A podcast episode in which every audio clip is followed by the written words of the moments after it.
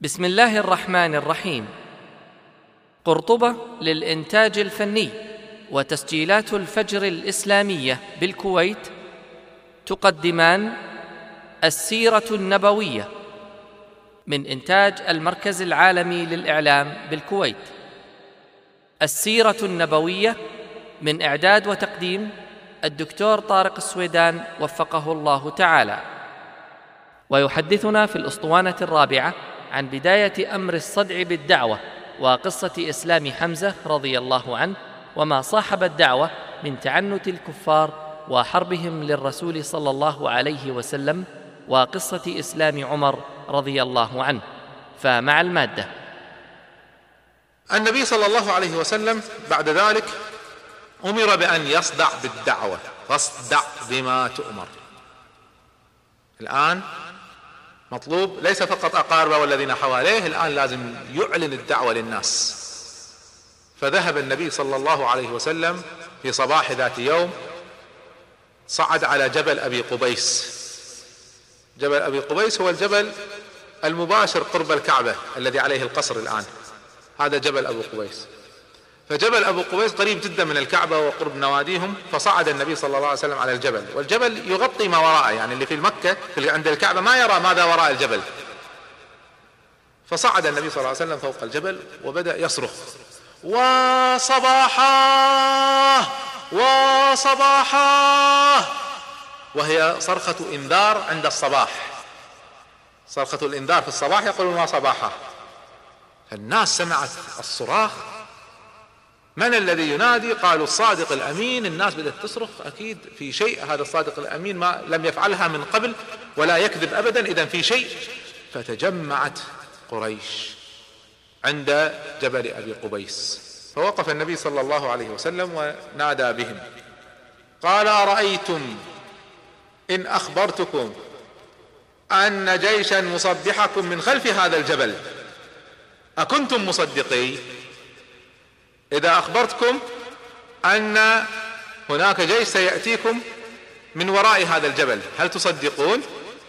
قالوا نعم ما عهدنا عليك كذبا قط. ما عمرنا علمنا أنك تكذب. لم تكذب ابدا. قال فإني نذير لكم بين يدي عذاب أليم. وبدأ يخبرهم أنه رسول الله. هنا عمه عبد العزى الذي سمي فيما بعد بأبي لهب قال تبا لك. أهل هذا جمعتنا تاركين أشغالنا عشان تجينا تقول لنا هالكلمتين. تبا لك. فهنا انصرف الناس. بدأ يصرفهم أبو لهب. اذهبوا اذهبوا انصرفوا. فانصرف الناس عن النبي صلى الله عليه وسلم. صرفهم من؟ صرفهم عمه. فنزلت الآيات تبت يدا أبي لهب وتب. ما أغنى عنه ماله وما كسب سيصلى نارا ذات لهب وامرأته حمالة الحطب في جيدها حبل من مسد. كانت زوجته زوجة أبي لهب كانت تأخذ الحطب الذي فيه الشوك. وترى أين طريق النبي صلى الله عليه وسلم فتضع فيه الخشب اللي فيه الشوك عشان يدوس على الشوك يؤذيه. وامرأته حمالة الحطب. في جيدها في عنقها. حبل من مسد حبل من نار. عذابا لها على ما كانت تفعل بالنبي صلى الله عليه وسلم. النبي صلى الله عليه وسلم أمر بأن ينذر عشيرته الأقربين. فجمع أقاربه. جمع أقاربه بني عبد المطلب. فاجتمعوا عنده في البيت فأراد أن يتكلم. فقبل أن يتكلم تكلم أبو لهب.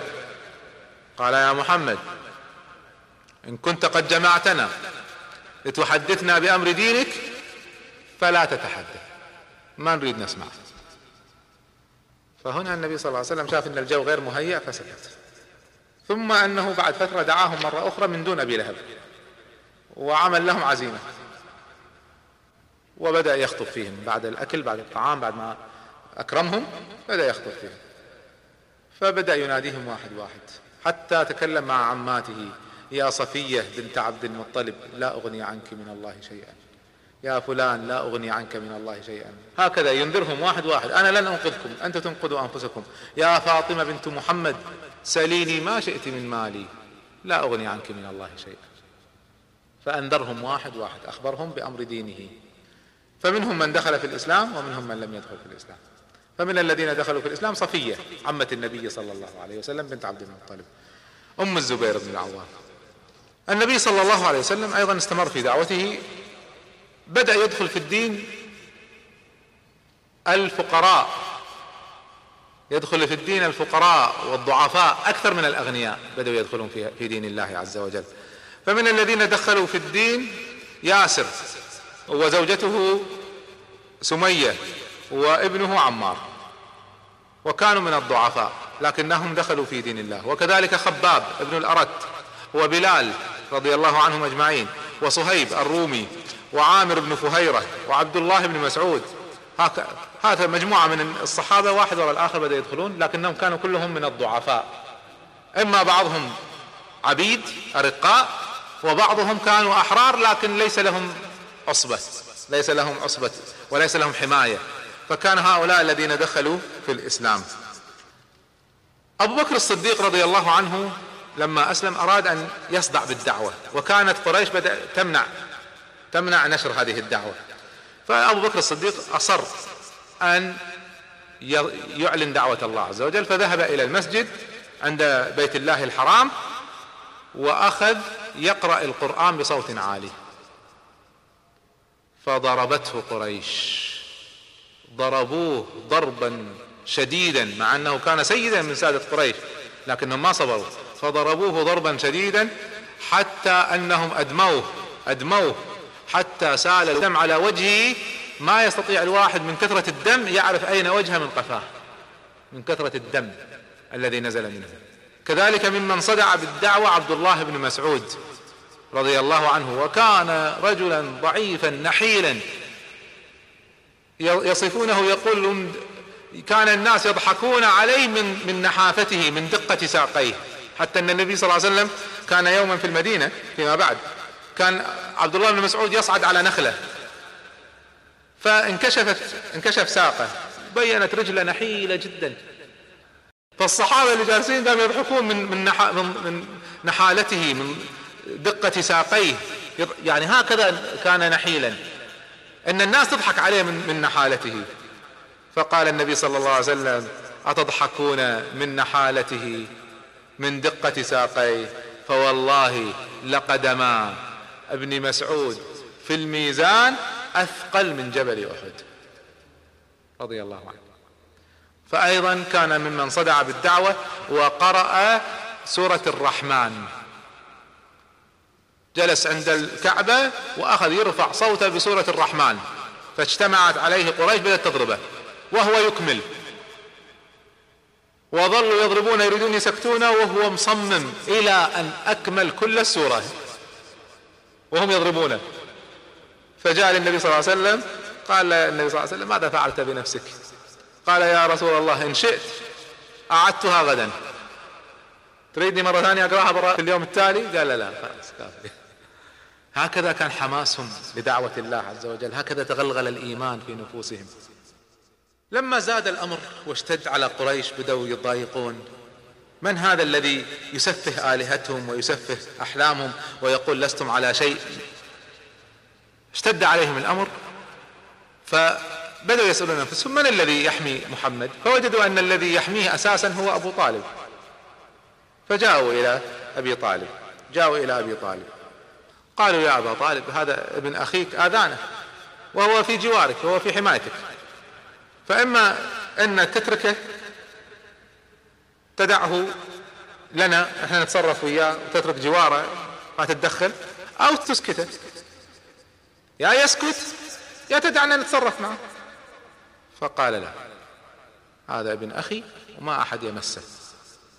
ورفضهم استمر النبي صلى الله عليه وسلم في الدعوة في حماية عمه وحماية بني عبد المطلب. فهنا اشتدت قريش. ما استطاعوا يصبرون فجاءوا مرة أخرى إلى أبي طالب. قالوا ما عدنا نصبر.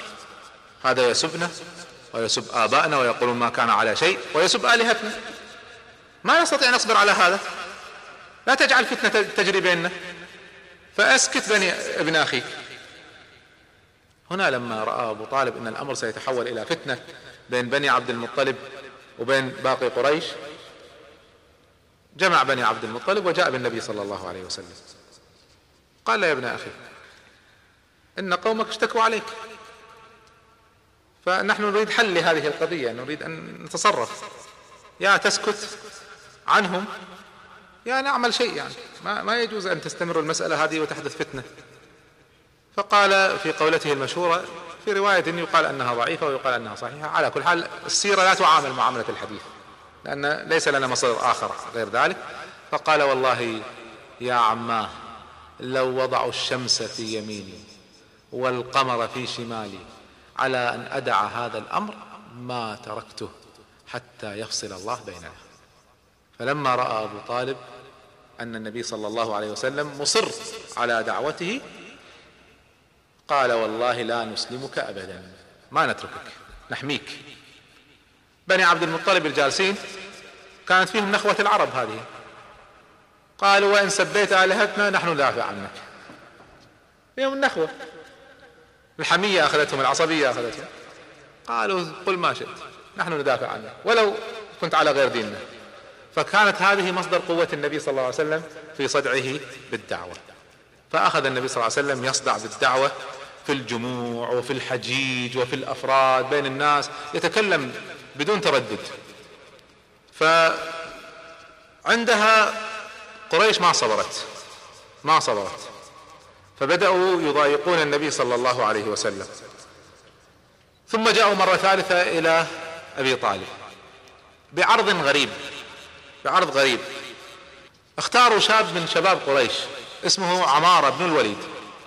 وكان شابا له مكانة ووجاهة ونسب وشرف ومال وكان وسيما جدا. فجاءوا إلى أبي طالب. قالوا يا أبا طالب إحنا ما عدنا نصبر على ابن أخيك فعندنا عرض نعرضه عليك. خذ عمارة بن الوليد واعتبره ابنك. خلاص يكون عندك ويعتبره ابنك وننسبه إليك وتسلمنا محمد بداله نتصرف معه. قال والله أمركم عجيب. تعطوني ابنكم أربيه وأعطيكم ابني تذبحونه؟ إيش هذا العرض فرفض هذا العرض ما عرفت قريش ماذا تفعل. عندها بدأ أمرين. الأمر الأول قالوا دعونا نناقش محمد. خلاص يمكن إحنا بالحوار بالتفاهم ننتهي معه إلى شيء. وإذا ما نفع نواجه يصير بيننا وبينه الصدام. فقالوا من يناقشه؟ فأرسلوا له الوليد ابن المغيرة وقيل عتبة ابن ربيعة. المهم الرواية المشهورة عن الوليد بن المغيرة أنه ذهب إلى النبي صلى الله عليه وسلم فجلس إليه. قال يا محمد ما هذا الأمر الذي جئت به؟ فرقت قومنا وسفهت آباءنا وسببت آلهتنا فإن كان هذا الأمر الذي يصيبك أمر يحتاج إلى طب يصيبك شيء مريض. جعلنا لك من الأموال ما نأتيك به بأحسن الأطباء فيشفيك. وإن كنت تقصد من وراء هذا الأمر المال تريد الفلوس نجمع لك من الأموال حتى تكون أغنانا. والنبي صلى الله عليه وسلم هذا الحوار جالسين عند الكعبة الوليد مع النبي صلى الله عليه وسلم. والرسول صلى الله عليه وسلم ساكت يسمع. كلام تافه لكن يسمع. هكذا أدب السماع أن الواحد يسمع حتى لو كان الكلام تافه لكن يسمع. قال وإن كنت تريد الشرف سودناك علينا. نعتبرك سيد مكة وتنتهي القضية. وإن كنت تريد الملك ملكناك علينا نخليك ملك مكة. مستعدين يعطونا أي شيء بس تنتهي القضية. وإن كنت تريد النساء زوجناك من تشاء من نسائنا. اختار بس لكن انتهي. خلصنا من هذه المصيبة التي جاءت علينا. هكذا وصل بهم الضيق من هذه الدعوة الناشئة التي بدأت تنتشر. فلما انتهى قال أفرغت. أفرغت. قال نعم قال فاسمع مني. الآن دوري. أنت تكلمت؟ أنا سمعتك إلى أن انتهيت؟ شوف أدب الحوار أدب. ما هو كل شوية مقاطعة. الأدب أن تسمع إلى أن ينتهي ثم واحد لما يتكلم الآخر يسمع إلى أن ينتهي. قال انتهيت فرغت قال نعم. قال فاسمع مني. قال نعم. فالنبي صلى الله عليه وسلم ما زاد على أن قرأ آيات فصلت سورة فصلت. بسم الله الرحمن الرحيم. حامين تنزيل من الرحمن الرحيم. كتاب فصلت آياته. قرآنا عربيا لقوم يعلمون. واستمر يتلو الآيات حتى وصل إلى قوله تعالى فإن أعرضوا فقل أنذرتكم صائقة مثل صائقة عاد وثمود. هنا فزع الوليد فزع شديد وقام من مكانه ووضع يده على فم النبي صلى الله عليه وسلم يسكته. قال ناشدتك الله ناشدتك الله والرحم. ناشدتك الله والرحم. من الخوف أن تنزل عليهم صاعقة مثل صاعقة عاد وثمود. ثم رجع وجلس مكانه. بدأ النبي صلى الله عليه وسلم يكمل الآيات حتى وصل إلى السجدة. موضع السجدة فسجد النبي صلى الله عليه وسلم. ثم قام وقال هذا ما عندي. ما قال له ولا نقاش ولا شيء ولا فقط قرآن. فقط يقرأ عليه القرآن. هذا إعجاز القرآن هذا سحر القرآن. الوليد قام من مكانه مدهوش من الكلام اللي سمعه. أول مرة هكذا يسمع القرآن بدون تشويش بدون مقاطعات. وسماع سماع من يريد أن يسمع. فقام ورجع إلى قريش في دار الندوة كانوا مجتمعين. هم أرسلوه. أول ما دخل عليهم هكذا مندهش مسحور مما سمع من كلام بيان عجيب. الرسول صلى الله عليه وسلم يقول إن من البيان لسحرا. الكلام الفصيح فيه سحر فما بالك بالقرآن؟ فسحر الرجل بالقرآن الكريم. فدخل على قريش أول ما رأوه قالوا والله لقد جاءكم بغير الوجه الذي ذهب به. جاي متغير الرجال مخبوص. ماذا أصابه؟ فجلس إليهم. قالوا إيش وراءك؟ قال سمعت كلاما والله ما سمعت مثله قط. وقال قولته المشهورة إن لقوله لحلاوة كلام حلو. إن لقوله لحلاوة وإن عليه لطلاوة وإن أعلاه لمثمر. وإن أسفله لمغدق وإنه ليعلو ولا يعلى عليه. كلام لا يستطيع أحد أن يعلو عليه. وكان العرب إعجازهم في اللغة. شوفوا سبحان الله كل نبي قوم مشهورين بشيء الله سبحانه وتعالى يرسل لهم معجزة من نوع ما هم مشهورين فيه.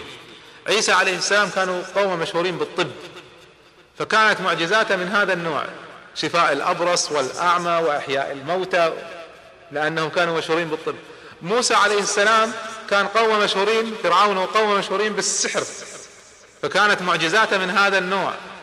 قلب العصا إلى حية وأن تلمع يده بيضاء للناظرين كأنها الشمس وأمثال ذلك هذا كأنه سحر. فتأتي المعجزة من جنس ما هم مشهورين فيه.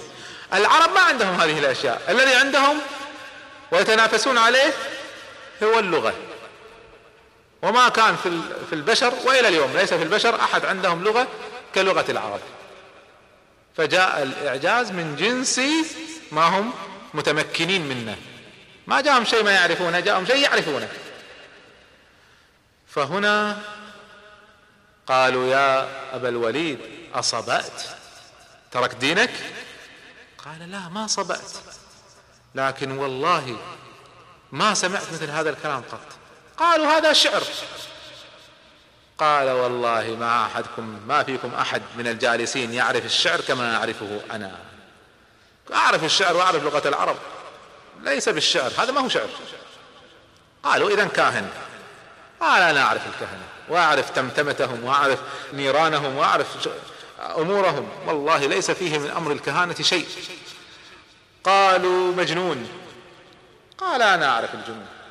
وأعرف الصرع وأعرف حركاتهم حركات المجنون وحركات المصروع. ليس فيه من أمرهم شيء. قالوا إذا ساحر.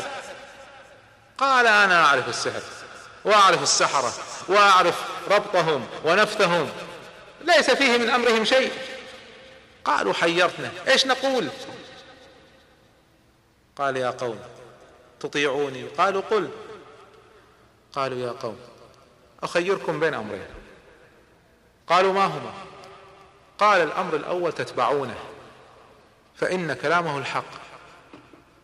قالوا سحرك ما نترك ديننا؟ قال فإن أبيتم تختارون الأمر الثاني. قالوا ما هو؟ قالوا اتركوه. اتركوه. خلوا بينه وبين الناس. خلوا يدعو. إذا ظهر على الناس فعزه عزكم وشرفه شرفكم. إذا انتصر على الناس هو من قريش فالفخر لكم. وإن قتلوه فهو ما تريدون. حكيم. قالوا لا والله ما نخلي بينه وبين الناس. لا هذا راضي ولا هذا راضي ولا. احتار فيهم الوليد. قال اذا أقول لكم شيء. قالوا قل. قال أقرب شيء أن تقولوا ساحر. أقرب شيء أنه ساحر. عند كلام يسحر فيه الناس يفرق بين الناس يفرق بين الرجل وزوجة يفرق بين الرجل وأبيه والرجل وقومه هذا أقرب شيء. فانقلب. بعد ما كان يحاول أن يهديهم وكان مقتنع سبحان الله كيف؟ انتكس. وأخذ يسب النبي صلى الله عليه وسلم. فنزلت فيه الآيات. ذرني ومن خلقت وحيدا. وجعلت له مالا ممدودا وبنين شهودا ومهدت له تمهيدا ثم يطمع أن أزيد. كلا إنه كان لآياتنا عنيدا سأرهقه صعودا. إنه فكر وقدر فقتل كيف قدر ثم قتل كيف قدر ثم نظر ثم عبس وبسر ثم أدبر واستكبر فقال إن هذا إلا سحر يؤثر. إن هذا إلا قول البشر سأصليه سقر. هذا الذي عرف الحق وتبين له وصار واضح عنده حتى كاد يدعو قومه إليه ثم ينتكس هذه الانتكاسة يستحق النار. فهذا هذه الآيات بسبب هذه الحادثة. لما رأت قريش أنه ما في فائدة لا حوار نفع ولا غير نفع بدأوا يضايقون النبي صلى الله عليه وسلم. ففي يوم من الأيام كانوا جالسين قرب دار الندوة قرب الكعبة النبي صلى الله عليه وسلم يطوف بالبيت يطوف في البيت. بينما هو يطوف بالبيت بدأت قريش كل ما وصل عندهم جالسين كل ما وصل أمامهم يسبون ويشتمون ويعرضون به. والنبي صلى الله عليه وسلم ساكت صابر. ثم كل ما وصل أخذوا يسبون مرة ثانية. كل ما وصل أخذوا يسبون مرة ثانية. النبي صلى الله عليه وسلم صبر صبر صبر. أول مرة يسب بهذه الصورة سب شنيع. وكان حليم صلى الله عليه وسلم لكن ما استطاع أن يصبر. فعندها النبي صلى الله عليه وسلم لما وصل إليهم في المرة الأخيرة وسبوه سب شنيع التفت إليهم غضبان شديد الغضب. فقال يا معشر قريش شاهت الوجوه. إنما جئتكم بالذبح. تهديد شديد. فخافت قريش خوف شديد. وقاموا إليه يتمسون به يقول يا محمد سامحنا. يا محمد أنت الحليم. يا محمد أخطأنا في حقك. بدأوا يتسامحون منه. من خوفهم من هذه الكلمة التي جاءتهم. فالنبي صلى الله عليه وسلم تركهم وانصرف. رجعت قريش إلى مكانها جلسوا. بدأوا يشوفون إيش سووا. إحنا الحين مصممين إن نؤذيه. يوم قال لنا كلمة واحدة خفنا منه. صار فيكم. إيش قاعد تسوون كيف تتسامحون منا؟ كيف تقولون له هكذا؟ المهم أصروا ثاني يوم أن يؤذونه. في اليوم التالي اجتمعت قريش جالسين عند دار الندوة. جاء النبي صلى الله عليه وسلم يريد أن يطوف. قاموا عليه وحاوطوه. وهذا يدفعه من جهة وهذا يضربه من جهة وهذا يلكمه من جهة. أنت تهددنا بالذبح أنت تهددنا بالذبح. وبدأ الضرب في النبي صلى الله عليه وسلم من كل مكان. والنبي صلى الله عليه وسلم محاط من كل جهة ما هو قادر يعمل شيء. وأخذ الضرب يزداد على النبي صلى الله عليه وسلم. فهنا رأته فاطمة بنت النبي صلى الله عليه وسلم أرادت أن تنقذه ما استطاعت. ففورا جرت ركضت فاطمة إلى أبي بكر الصديق. أخبرته بالخبر. فجاء يركض. ودخل بينهم يضرب فيهم يبعدهم عن النبي صلى الله عليه وسلم حتى أخرج النبي صلى الله عليه وسلم بينهم وهو يبكي. ويقول اتقتلون رجلا؟ ان يقول ربي الله. تقتلونه بس عشان يقول الله ربي؟ فأنقذه من بينهم. فهذا من الأذى الذي تعرض إليه النبي صلى الله عليه وسلم. زاد الأذى. على النبي صلى الله عليه وسلم وبدأوا يتجرؤون عليه. في يوم من الأيام النبي صلى الله عليه وسلم ما استطاع يرد عليهم يعني أكثر من هذا. وكان حليما خلوقا ما يرد على السب فزادت. ففي يوم من الأيام جالسين عند الكعبة النبي صلى الله عليه وسلم يطوف جالس أبو جهل بينهم فأخذ أبو جهل يسب النبي صلى الله عليه وسلم سبا ما سب فيه من قبل. والنبي صلى الله عليه وسلم وجهه يتغير وجهه يتغير ما هو قادر يعمل شيء. امرأة تشهد المنظر ما استطاعت تصبر خرجت من مكة. وإذ حمزة عم النبي صلى الله عليه وسلم جاي من رحلة صيد. وكان يحب الصيد وكان يصطاد يعني الحيوانات وكان يصطاد الأسود. هكذا من قوته رضي الله عنه. وكان على الكفر حتى ذلك الوقت. فأول ما دخل مكة رأت هذه المرأة قالت له ولو رأيت ما فعل أبا الحكم بابن أخيك قال ما فعل فأخبرته كيف سب وشنع فيه. قال ما رد عليه أحد؟ قالت لا والله ما رد عليه أحد. فهنا غضب حمزة غضبا شديدا. فانطلق فورا نحو دار الندوة. وفورا ذهب إلى تجمع قريش جالس أبو الحكم فيما بينهم عمرو بن هشام. فشجه ضربه ضربة فشج رأسه صب الدم من رأسه. قال أتسب محمدا وأنا على دينه؟ خذها وأنا ابن الأكرمين. ضربه. من يرد علي منكم؟ قاموا بيردون عليه بني مخزوم عصبة أبو جهل. قاموا بيصير قتال الآن. فأمرهم أبو جهل قال اتركوه أنا الغلطان. فقد سببت ابن أخيه سبا شنيعا. أنا اللي غلطت. اتركوه. فهنا انتقم حمزة للنبي صلى الله عليه وسلم لكن قال كلمة يقول ما أدري كيف قلتها. قلت طلعت من لساني ما أقصدها. أتسبه وأنا على دينه؟ يقول أنا ماني على دينه. لكنها كلمة طلعت من لساني. يقول فذهبت إلى بيتي أتأمل في هذه الكلمة اللي قلتها. يقول واحترت حيرة شديدة الآن. أنا ماني على دين محمد. لكن الناس الآن قلت لهم إني على دين محمد. فما أدري إيش أعمل. هل أبقى على دين محمد ولا ثاني يوم أروح وأخبرهم إني ماني على دين محمد وأرجع في كلمتي وهذا عيب عند العرب إن الواحد يرجع في كلمته؟ يقول فظللت مهموم طول الليل. طول الليل وأنا مهموم. ما أدري إيش أعمل. ثم أخذت أدعو. أدعو الله عز وجل. قلت اللهم إن كان خيرا فاجعل تصديقه في قلبي. وإن كان غير ذلك فاجعل لي مما وقعت فيه مخرجا.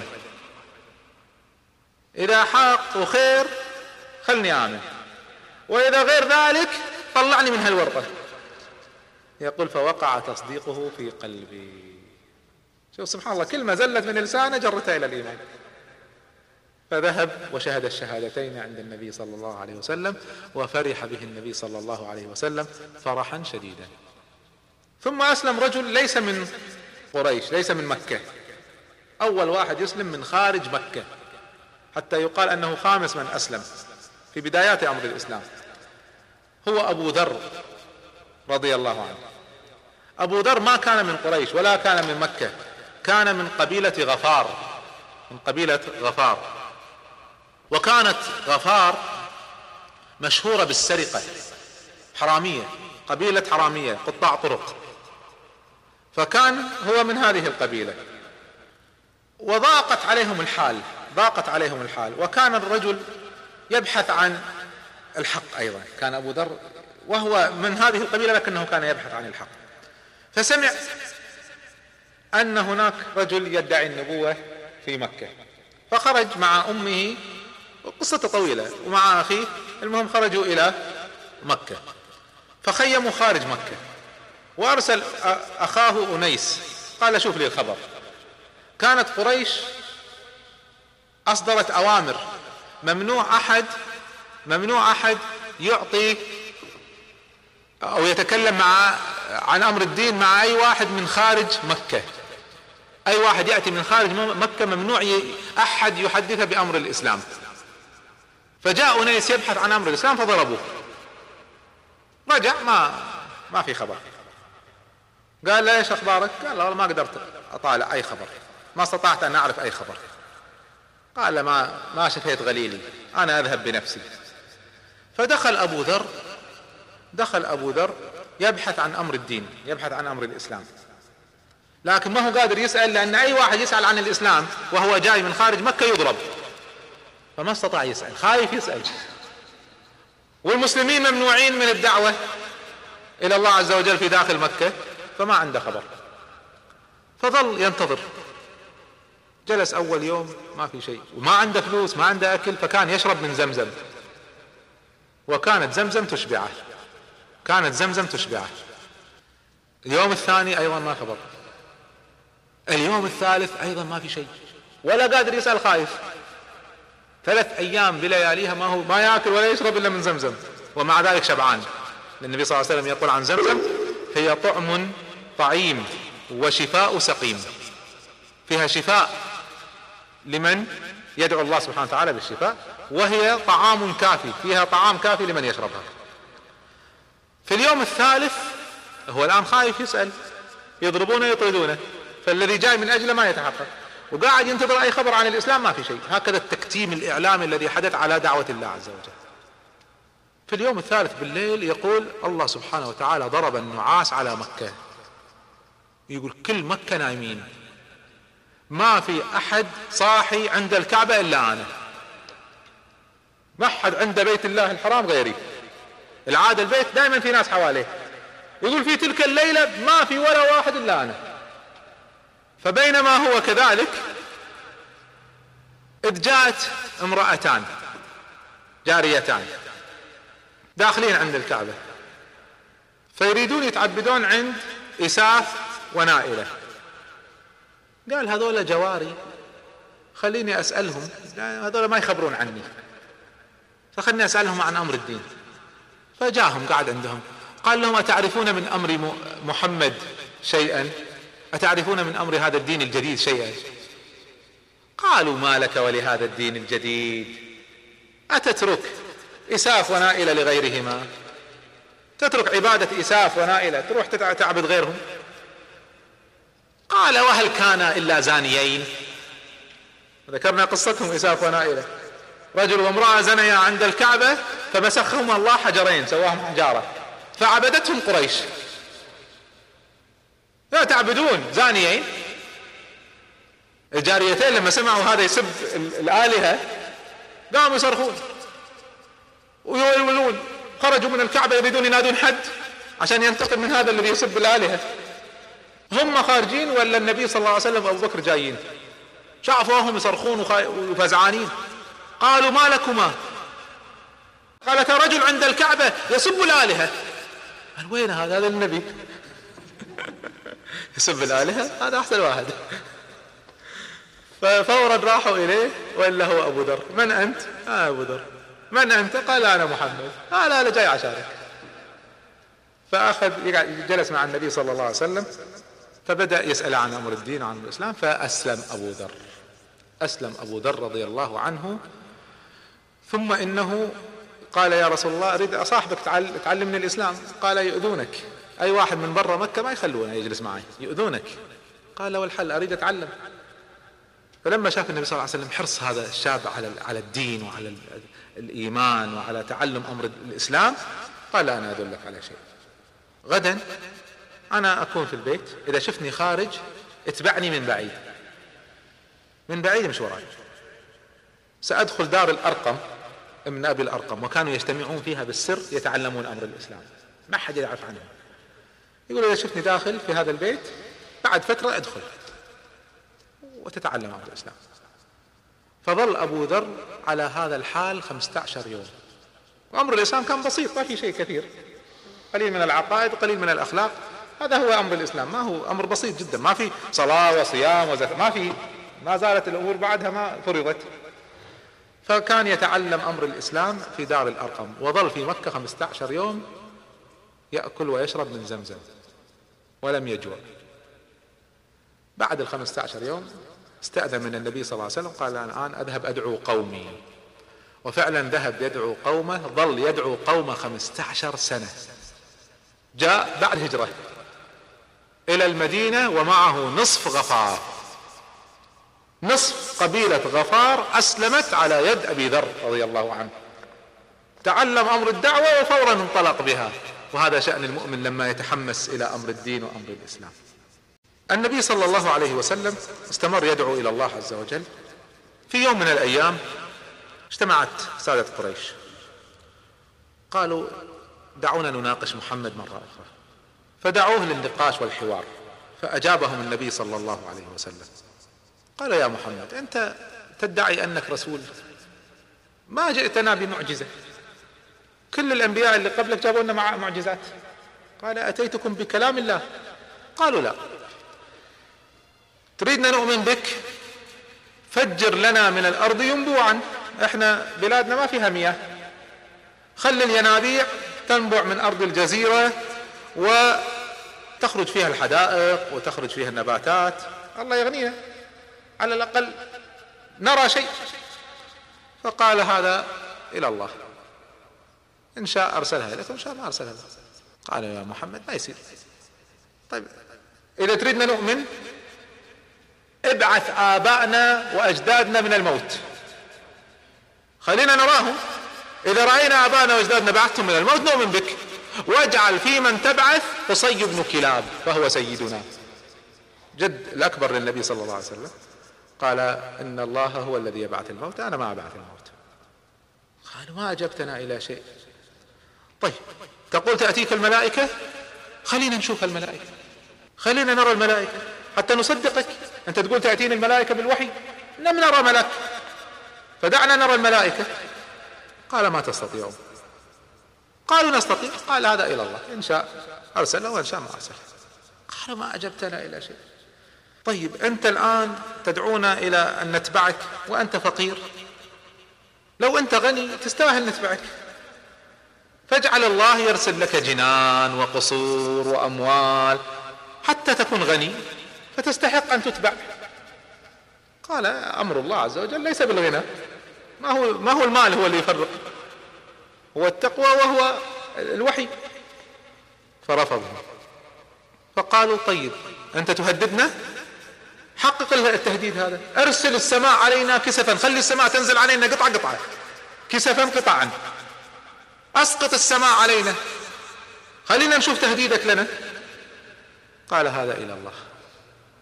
فهنا قالوا والله إنك لكذاب ما استطعت تأتي بشيء. وإنما يعلمك رجل في المدينة في اليمامة. يعلمك رجل في اليمامة يقال له الرحمن. كانوا يعتبرون كلمة الرحمن ليست من أسماء الله. وإذا قيل لهم اسجدوا للرحمن؟ قالوا وما الرحمن؟ أنا اسجد لما تأمرنا؟ ما كانوا يؤمنون أن الرحمن من أسماء الله. فيقولون الرحمن هذا رجل في اليمامة مدينة اليمامة في وسط الجزيرة هو الذي يعلم محمد هذا الكلام. ولذلك يدعونا إلى عبادته. ثم وقف عبد الله ابن أبي أمية بن المغيرة وكان من ساداتهم. فقال يا محمد والله ما جئتنا بشيء. كل اللي طلبنا منك عجزت عنه. وأنا لا أؤمن بك حتى أراك تطير في الهواء. إذا شفتك تطير في الهواء عندها وما يكفيني إنك تطير في الهواء لازم توصل للسماء. ثم تأتيني بكتاب من السماء. تجيب لي تصعد أمامي إلى السماء وتأتي بكتاب من السماء تنزله لي والمسه بإيدي وحتى لو سويت هذا أعتقد إنك ساحر. فالنبي صلى الله عليه وسلم ما رد عليه.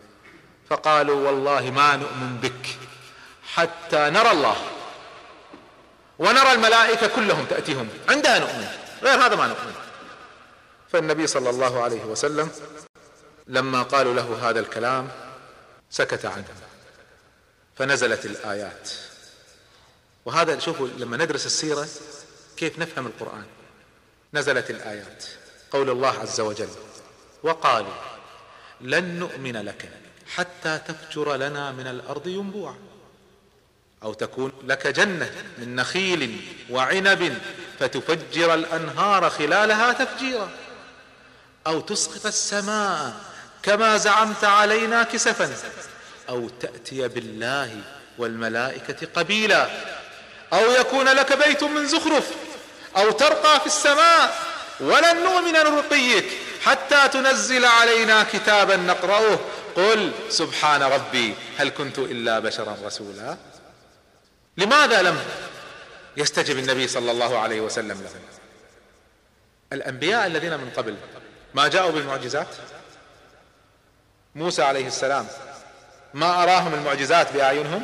تسع آيات إلى بني إسرائيل كل معجزة. وما نأتيهم بآية إلا هي أكبر من أختها. هل آمنوا؟ ما آمنوا. اذا طلبهم للمعجزات ليس لأجل الإيمان وإنما جدل. عيسى عليه السلام ما جاء بالمعجزات؟ ما امنوا فالله سبحانه وتعالى ذكر لماذا لم يرسل لهم المعجزات. قال الله عز وجل في تعليقه على ما حدث في هذا الحوار وما منعنا أن نرسل بالآيات ما في شيء يمنع الله سبحانه وتعالى أن يرسل هذه المعجزات إلا ماذا؟ قال الله عز وجل وما منعنا أن نرسل بالآيات إلا أن كذب بها الأولون. وآتينا ثمود الناقة مبصرة خرجت دابة ناقة بعير يخرج من الأرض تنشق الأرض ويطلع بعير. رأوه باعينهم وما آمنوا. وآتينا ثمود الناقة مبصرة فظلموا بها. وما نرسل بالآيات إلا تخويفا. لما حدث هذا الحوار وهذا النقاش جاء جبريل عليه السلام.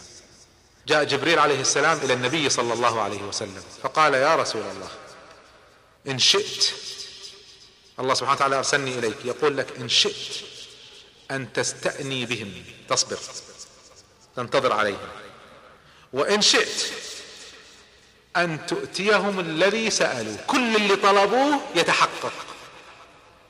كل شيء نعطيهم. فإن كذبوا إذا جاءتهم الآيات وكذبوا بعد ذلك هلكوا جميعا. اختار. يا تصبر عليهم يا تعطيهم كل ما طلبوا. لكن إذا أعطيناهم كل ما طلبوا وكذبوا تهلك مكة. تدمر مكة كما دمرت الأمم من قبلها. ماذا تختار يا رسول الله؟ فقال بل أستأني بهم لعل الله يخرج من أصلابهم من يؤمن بالله. كان يستطيع أن يأتيهم بالآيات لكن كانت النهاية لو جاءت الآيات كانت النهاية. فالنبي صلى الله عليه وسلم ما أراد أن يفصل معهم. قال هؤلاء يمكن ما فيهم فائده لكن أولادهم ممكن يؤمنوا. فصبر عليهم النبي صلى الله عليه وسلم. لما رأت قريش إن ما في فائدة الحوار ما أدى إلى نتيجة قالوا ماذا نفعل؟ جاءوا بحيلة أخرى. قالوا استدعوا النضر بن الحارث. النضر بن الحارث من قريش لكنه كان يعيش في الطائف. وكان رجل رحالة يسافر كثيرا ينتقل من بلد إلى بلد فتعلم من البلاد الأخرى تعلم أشياء كثيرة وسمع أحوالهم وقصصهم وأساطيرهم وخرافاتهم وتاريخهم فتعلم الكثير. فقالوا ائتوا بالنضر بن الحارث فجاء النضر بن الحارث قالوا له كل ما جلس محمد في مكان اجلس إذا بدأ يتحدث أنت قول سوالفك. قول القصص اللي عندك قول الأساطير اللي عندك. ففعلا جاءوا بالنضر بن الحارث وفعلا في البداية نجحت الحيلة. أول ما يجلس النبي صلى الله عليه وسلم يجلس النضر بن الحارث يقول القصص. فتجتمع عليه الناس قصص عجائب أساطير خرافات. فالناس تنبسط تقعد تسمع له ويتركون النبي صلى الله عليه وسلم. فإذا انتهى من المجلس يقول بما محمد خير مني هو يحدث بأساطير وأنا أحدث بأساطير. كلها خرافات بخرافات. هو عنده خرافات وأنا عندي خرافات. ظل الأمر أيام. بعدين الناس ملت من أساطير. النضر بن الحارث. وين كلامه؟ وين القرآن؟ فأخذوا يتركونه ويذهبون إلى النبي صلى الله عليه وسلم. يحرصون على السماع للنبي صلى الله عليه وسلم. لكن في النضر بن الحارث نزلت الآيات. وقالوا أساطير الأولين. كل الآيات التي تذكر فيها الأساطير هي فيها رد على النضر بن الحارث. أن هذا الكلام ليست أساطير الأولين.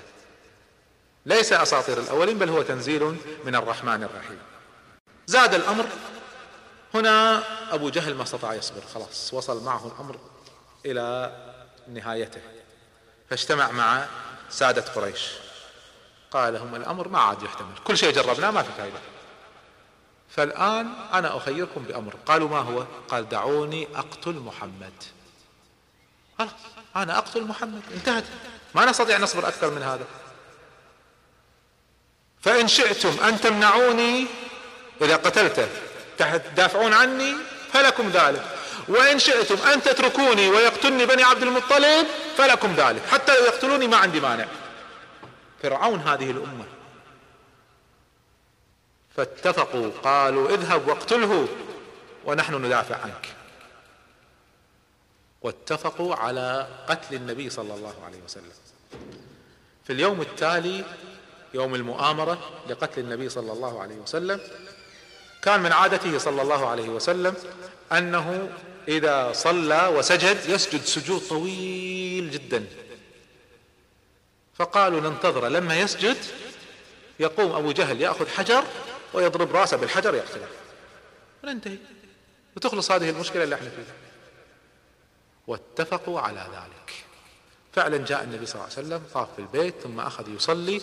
لما سجد النبي صلى الله عليه وسلم قام أبو جهل لعنه الله بحجر عظيم. يقولون ما هو قادر يشيله من ثقله.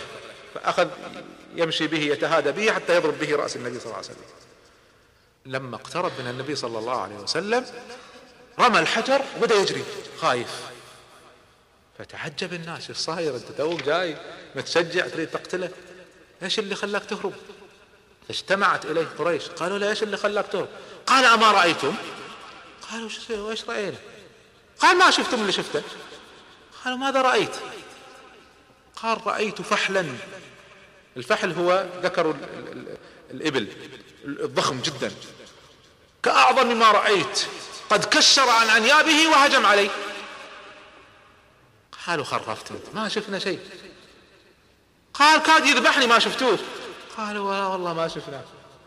فكانت هذه المعجزة سبب في إنقاذ النبي صلى الله عليه وسلم من محاولة الاغتيال. لما يأست قريش من ذلك قالوا إذا إحنا أحسن شيء نصرف عنه الناس. الآن منعوا اللي برا مكة يسمعون. قالوا خلونا نمنع حتى اللي من داخل مكة. واللي أسلموا بدينه نعذبهم. العبيد كل واحد يعذب عبده. والأحرار كل قوم يعذبون اللي من قومهم. عشان ما يحدث خلاف بين بين أهل قريش كل واحد يتولى أهله. وفعلا بدأ التعذيب على المسلمين. تعذيب شديد. فمن الذين عذبوا بلال رضي الله عنه. وكان الذي يتولى تعذيب سيده أمية بن خلف. كان يأخذه إلى خارج مكة في الصحراء في الأرض المشمسة الحارة جدا. فيضعه بدون ملابسه. ينزع عنه قميصه ويضع على الأرض ويضع عليه الحجر العظيم يحمله عدة رجال. يشيلون حجر ويضعونه على صدره ويخلونه في هذه الحال. وهو لا يزيد على أن يقول أحد أحد أحد أحد. سئل بلال رضي الله عنه. إيش سر قولك أحد أحد؟ لماذا اخترت هذه الكلمة؟ قال كنت أقول كلمات مختلفة. فما وجدت كلمة تزعلهم وتغيظهم مثل هالكلمة. فكنت أحب أغيظهم. فكان هذا سر اختياره لهذه الكلمة يغيظ الكفار بها رضي الله عنه من الذين عذبوا كذلك جارية بني مؤمل. بني مؤمل كان عندهم جارية أسلمت. فكان اللي يأتي يتبرع عشان يعذبها عمر بن الخطاب رضي الله عنه. متطوع يعذبها. ما هي ما هي ما هو سيدها ولا هي من قومه بس متطوع. فيأتي متفرغ يقعد يعذب فيها. يعذبها وهي صابرة رضي الله عنها إلى أن يمل. فإذا مل يأتيها يقول لها أنا أعتذر إليك. والله ما تركتك إلا مللا ولا ودي عذبك شوف. فتقول له الجارية والله هذا الذي صنع الله بك. الله اللي خلاك تمل فيتركها ويأتيها ثاني يوم يعذبها. وكان من أشد الناس على المسلمين. كان قاسيا جدا. كان من أقسى الناس على المسلمين أبو جهل وعمر بن الخطاب. من الذين كانوا يعذبوا كذلك؟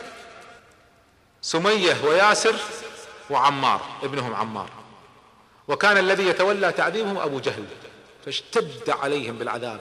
عذاب شديد ما مر على أحد مثله. فكان النبي صلى الله عليه وسلم يمر عليهم ويقول صبرا آل ياسر. ما في علاج ما بيدي شيء. صبرا آل ياسر فإن موعدكم الجنة.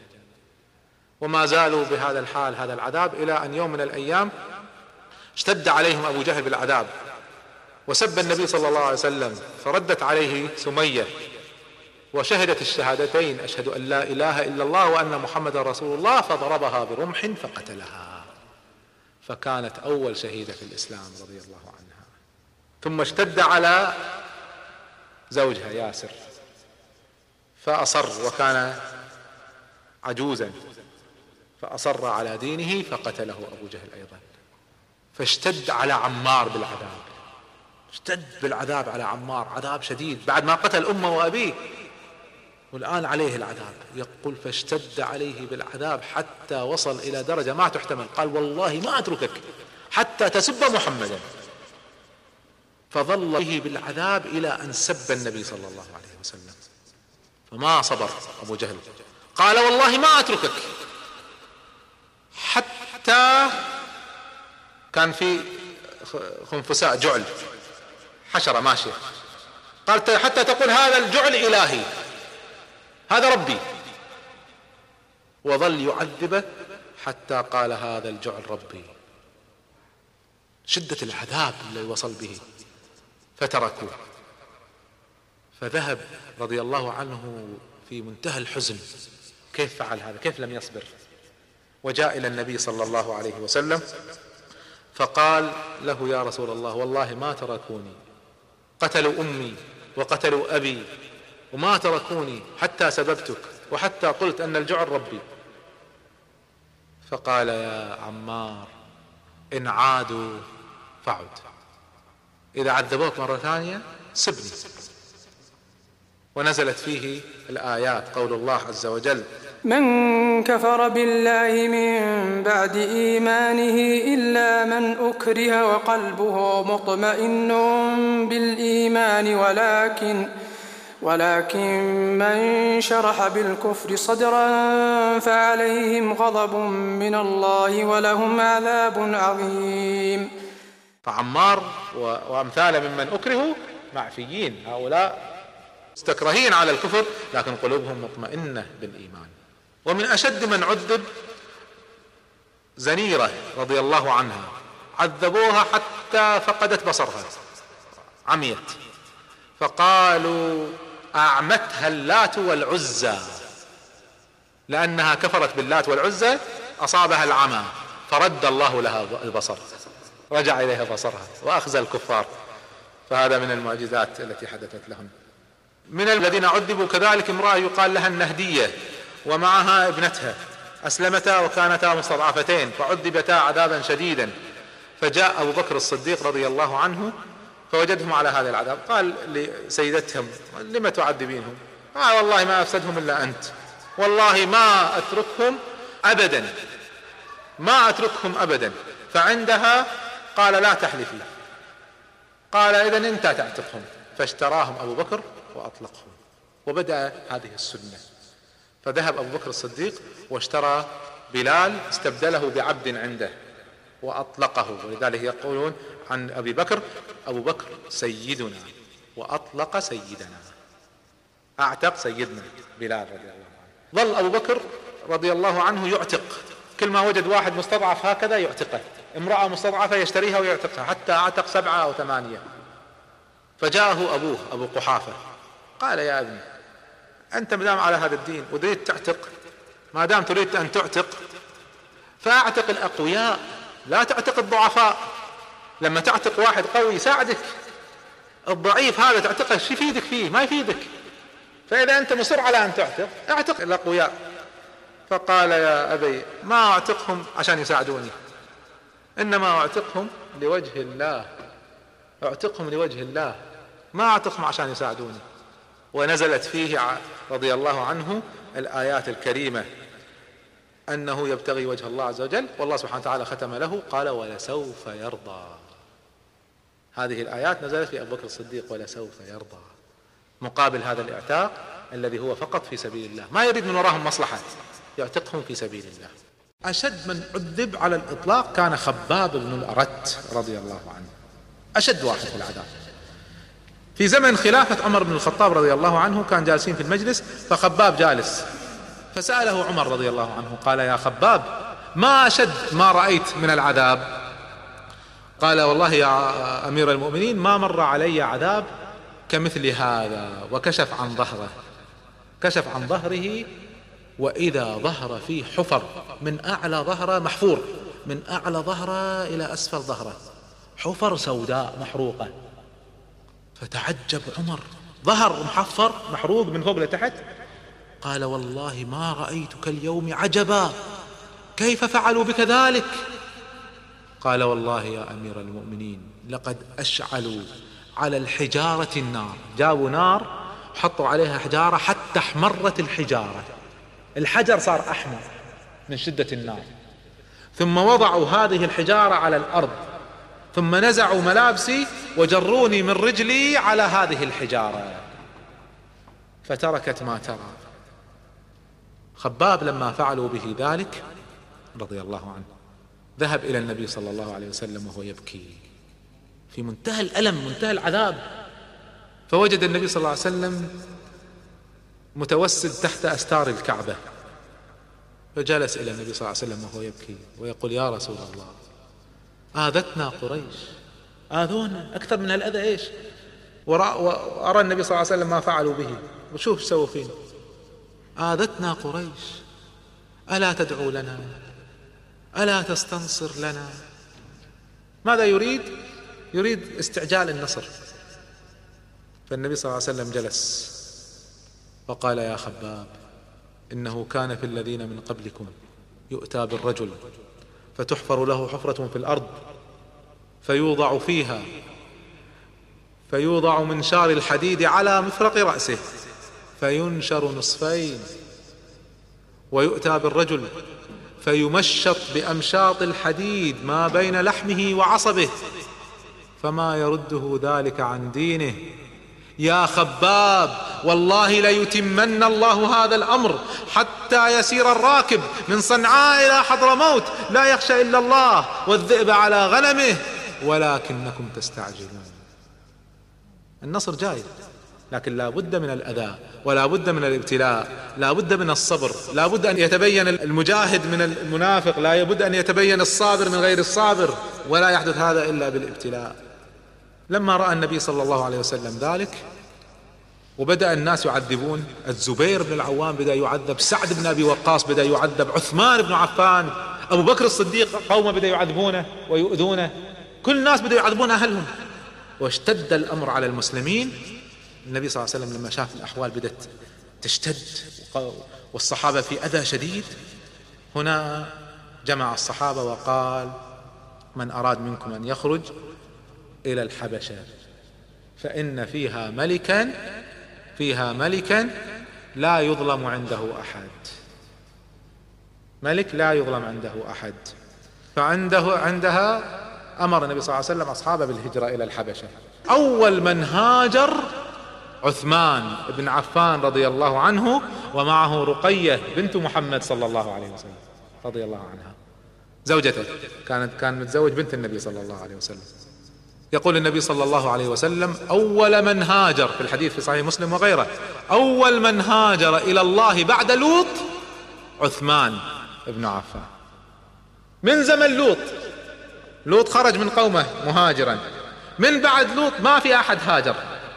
إلى أن هاجر عثمان رضي الله عنه. وهاجر أبو حذيفة والزبير ومصعب بن عمار ومصعب بن عمير العفو وأبو سلمة وأم سلمة وعثمان بن مضعون 12 واحد من الصحابة هاجروا. وهاجر أبو بكر الصديق رضي الله عنه.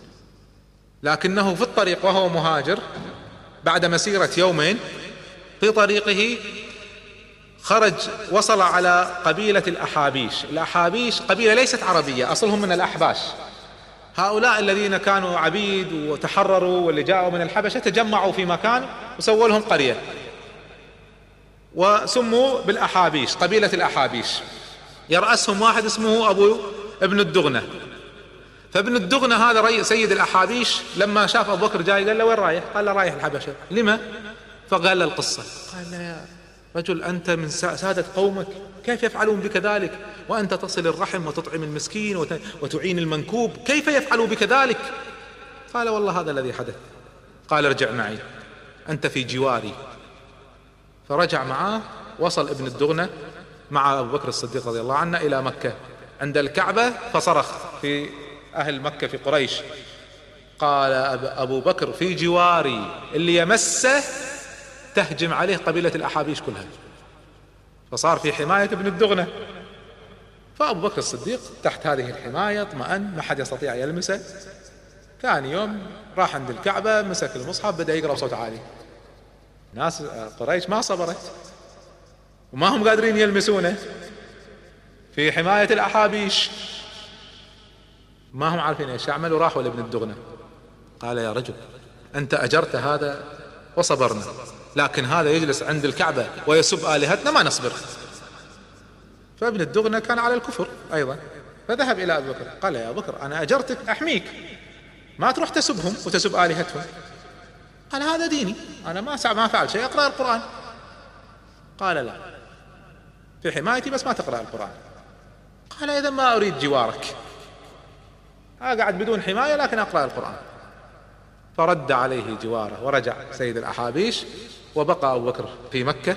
وكان هذا سر عدم هجرة أبي بكر الصديق ولا كان ناوي يهاجر لكن رجع بهذا السبب.